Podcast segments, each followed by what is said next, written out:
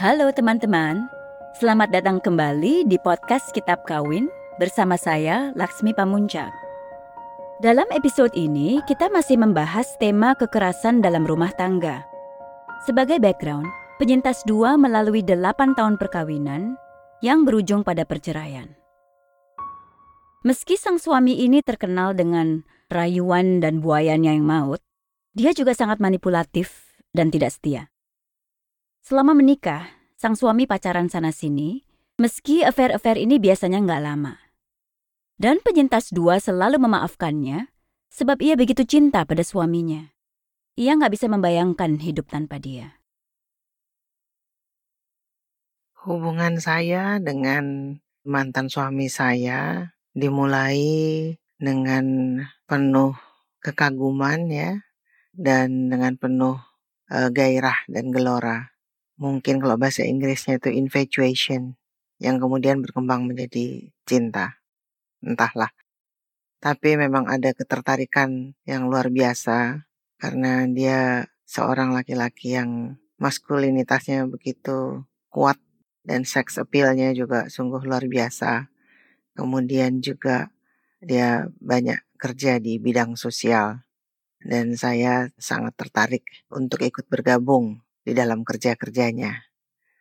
Jadi ini adalah pertemuan antara saya dengan sebagian cita-cita saya dan saya melihat contoh sosok seorang laki-laki yang berani mengambil jalan hidup yang tidak bagi saya saat itu tidak seperti biasa yaitu dia tidak memilih bekerja di lembaga-lembaga yang established tapi di sebuah lembaga sosial ya Ketika saya mulai berpacaran, semua orang sebetulnya sudah memberikan peringatan bahwa mantan saya ini adalah orang yang sangat baik, yang sangat memiliki komitmen terhadap pekerjaannya, namun pada saat yang sama juga tidak bisa memberikan komitmen kepada sebuah hubungan.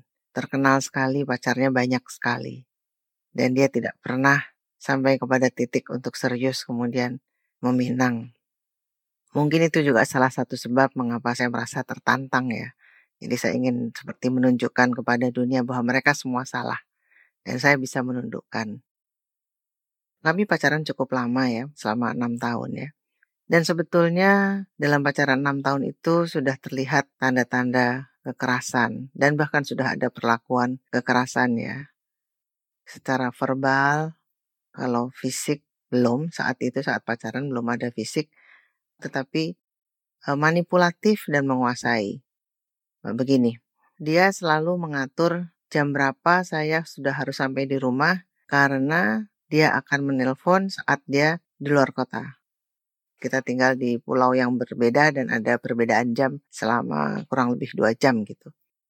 Jadi dia selalu akan mengatakan, nanti saya telepon kamu ya saya akan tanya, jam berapa saya akan ditelepon? Dia akan balik tanya, emangnya kenapa? Emang ada acara apa? Bukannya jam kerja itu jam 9 sampai jam 5. Nah, itu sebetulnya sudah dari awal, tetapi radar saya tidak menangkap. Ini adalah tanda-tanda sebuah relasi yang tidak setara. Yang kedua, dia juga mengatur cara saya berdandan. Dia selalu mengatakan bahwa kita karena sama-sama kita bekerja di bidang sosial, kita sama-sama bekerja untuk pembelaan masyarakat. Kita harus berpenampilan sesedekat mungkin dengan uh, masyarakat yang kita dampingi. Jadi dia selalu menentukan bahwa kalau jalan dengan saya, kamu hanya pakai jeans dan pakai t-shirt. Dan hal-hal seperti ini, ketika saya ditelepon, saya nggak di rumah, ketika saya salah pakai pakaian, itu akan menyebabkan pertengkaran yang cukup seru.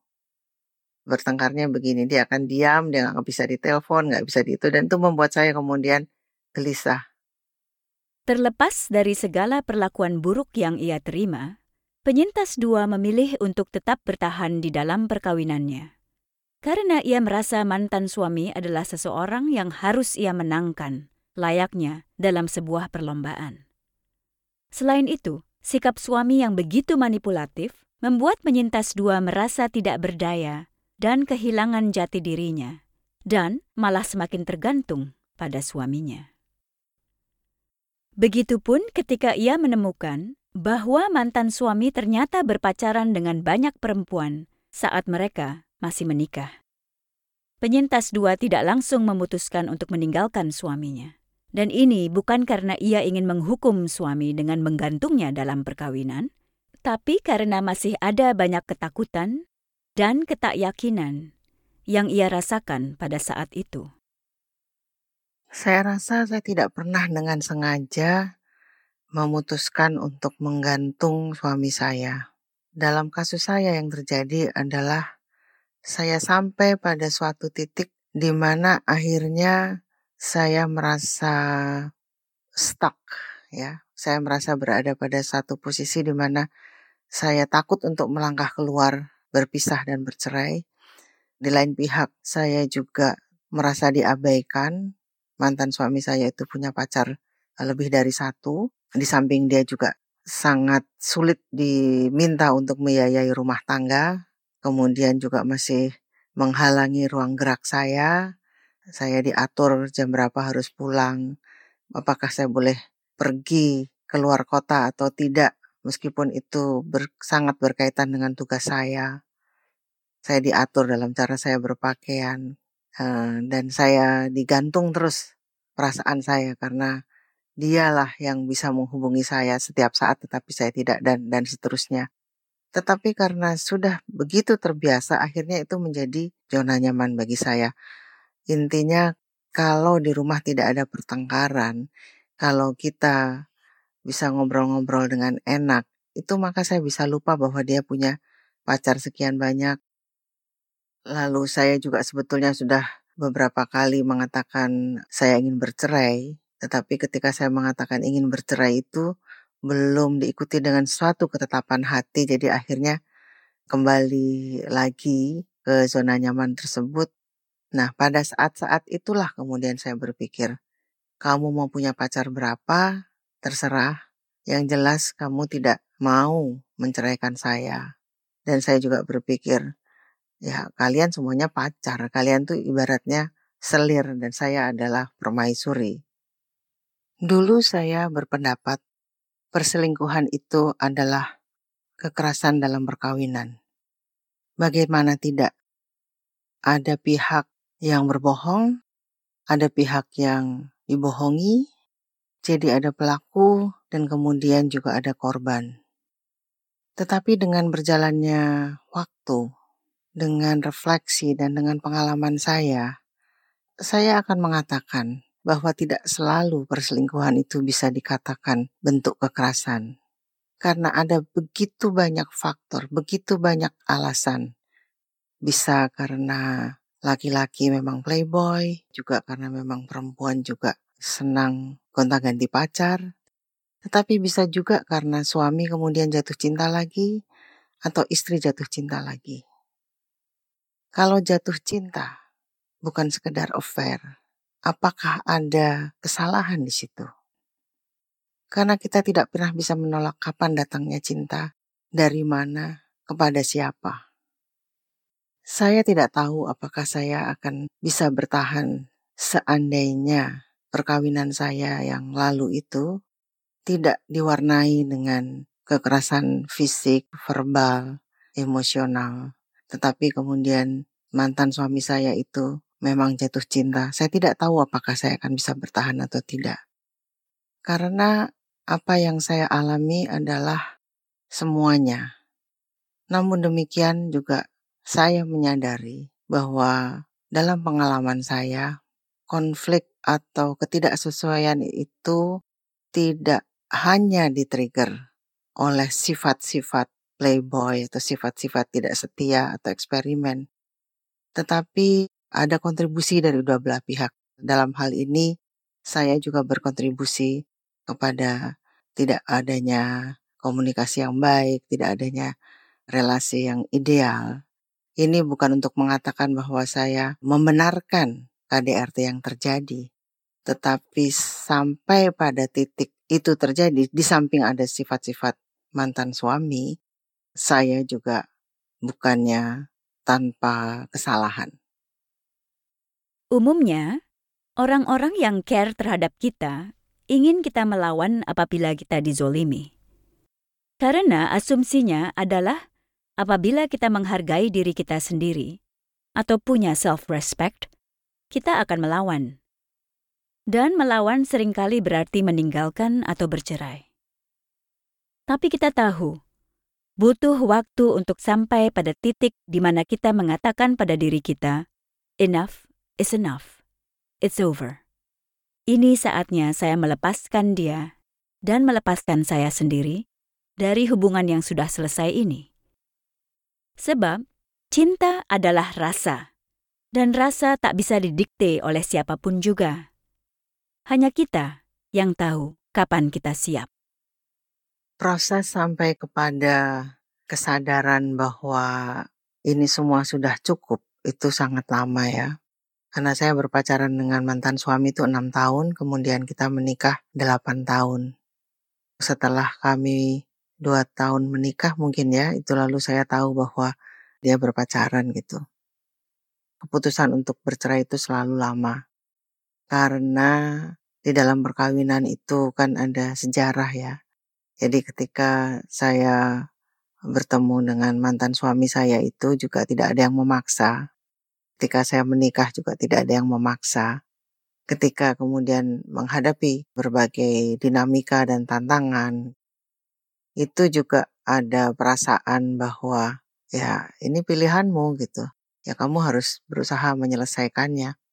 Namun saya ingat sahabat saya sudah almarhumah ya, sahabat saya ini seorang perempuan yang mengikuti semua jalan perkawinan saya dan ketika sampai saya pada titik-titik yang sangat rawan di mana saya galau, ragu, hari ini nangis, besok ketawa, Ketika saya bilang saya mau cerai, pokoknya saya mau meninggalkan suami saya dan saya mau cerai. Dan dia dengan sangat tenang mengatakan, perceraian itu hal gampang mbak, itu soal administrasi. Tapi yang penting adalah mbak bertanya pada diri mbak sendiri, apakah perjalanan mbak dengan suami mbak itu sudah selesai? Seberapa mbak mengenal dia?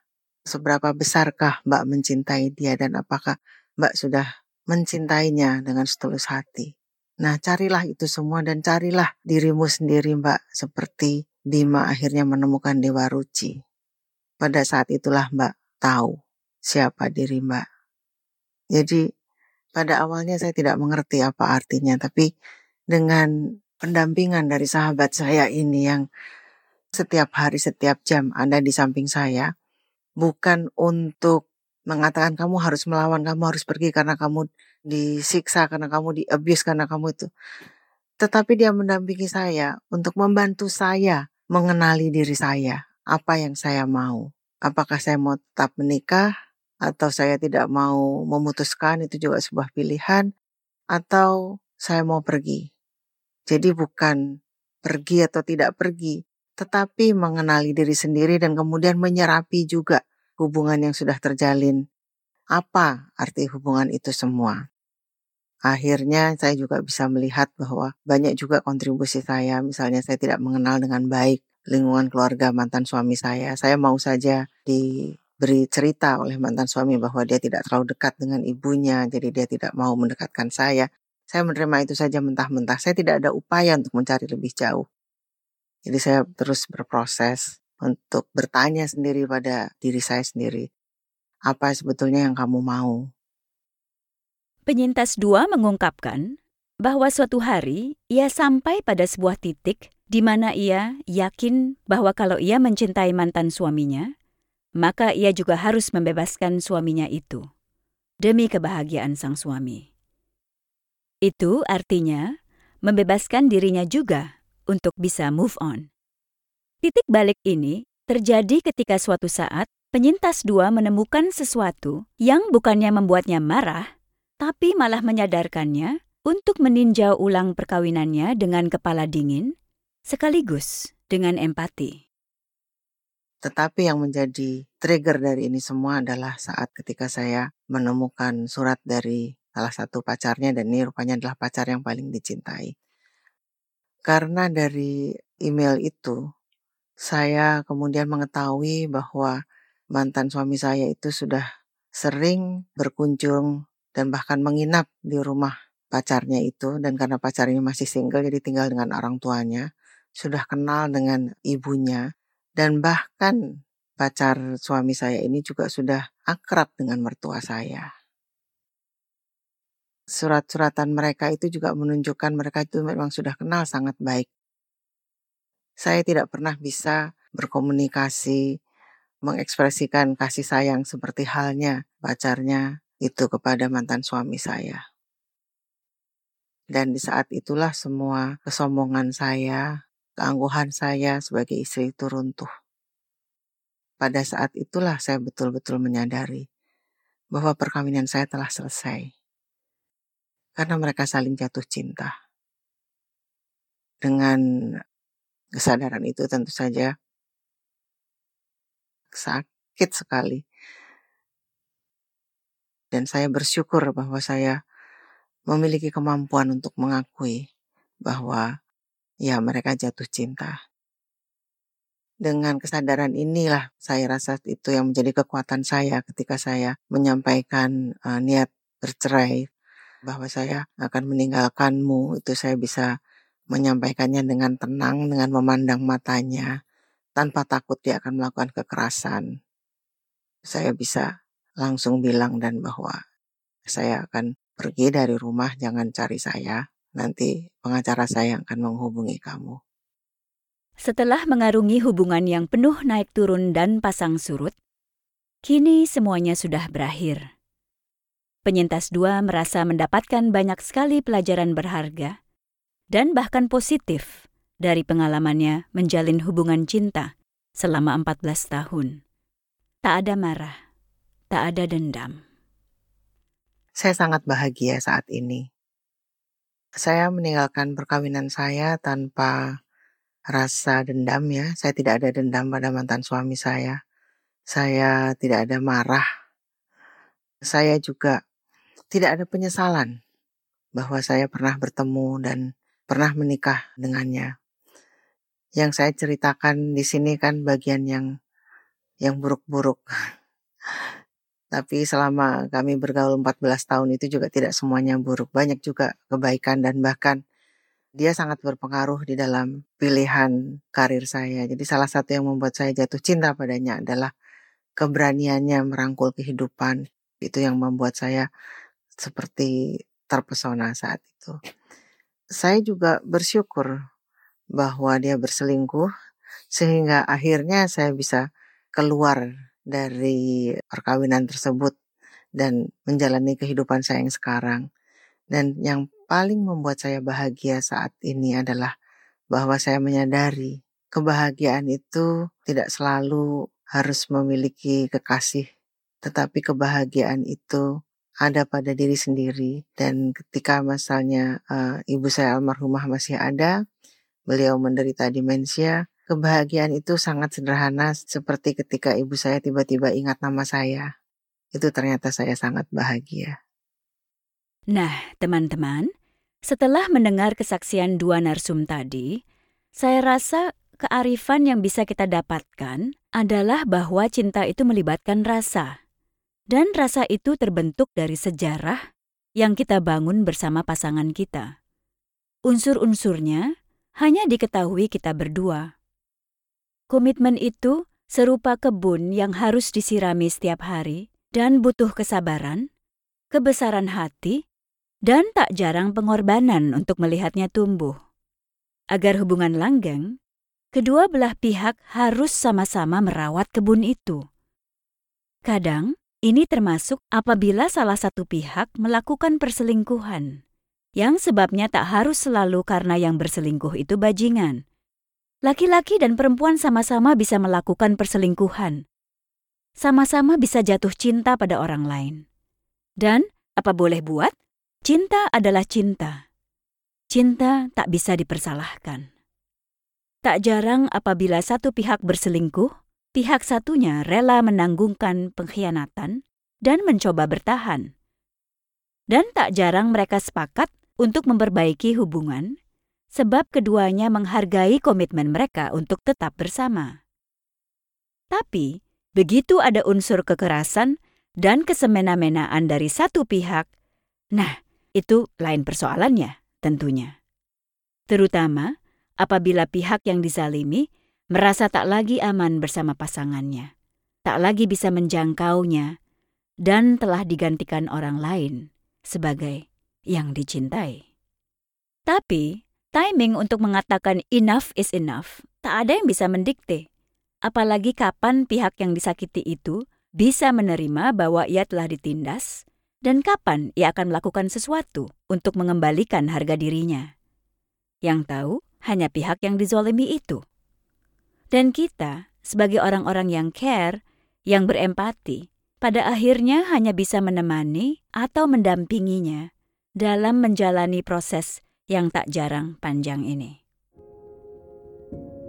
Semoga episode ini bisa membetik perenungan lebih dalam tentang efek korosif kekerasan dalam hubungan percintaan dan sedikit banyak membantu teman-teman yang sedang mengalami dilema serupa. Kepada narsum-narsum saya, saya berterima kasih sedalam-dalamnya. Saya Laksmi Pamuncak, host dari podcast Kitab Kawin. Terima kasih telah mendengarkan episode ini. Jika tertarik membaca kumpulan cerita yang mengilhami podcast ini, buku Kitab Kawin baik edisi khusus Hari Perempuan Sedunia maupun edisi reguler dengan sampul baru, bisa dibeli di toko buku Gramedia dan Aksara Corner di toko Dia Logue.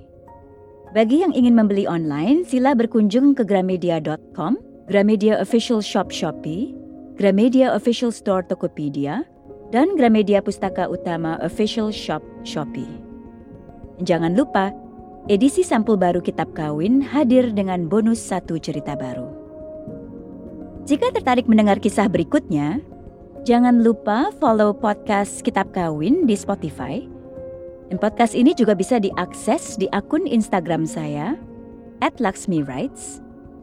akun Instagram Potluck, at Podcast, serta akun Gramedia Pustaka Utama, at Buku GPU.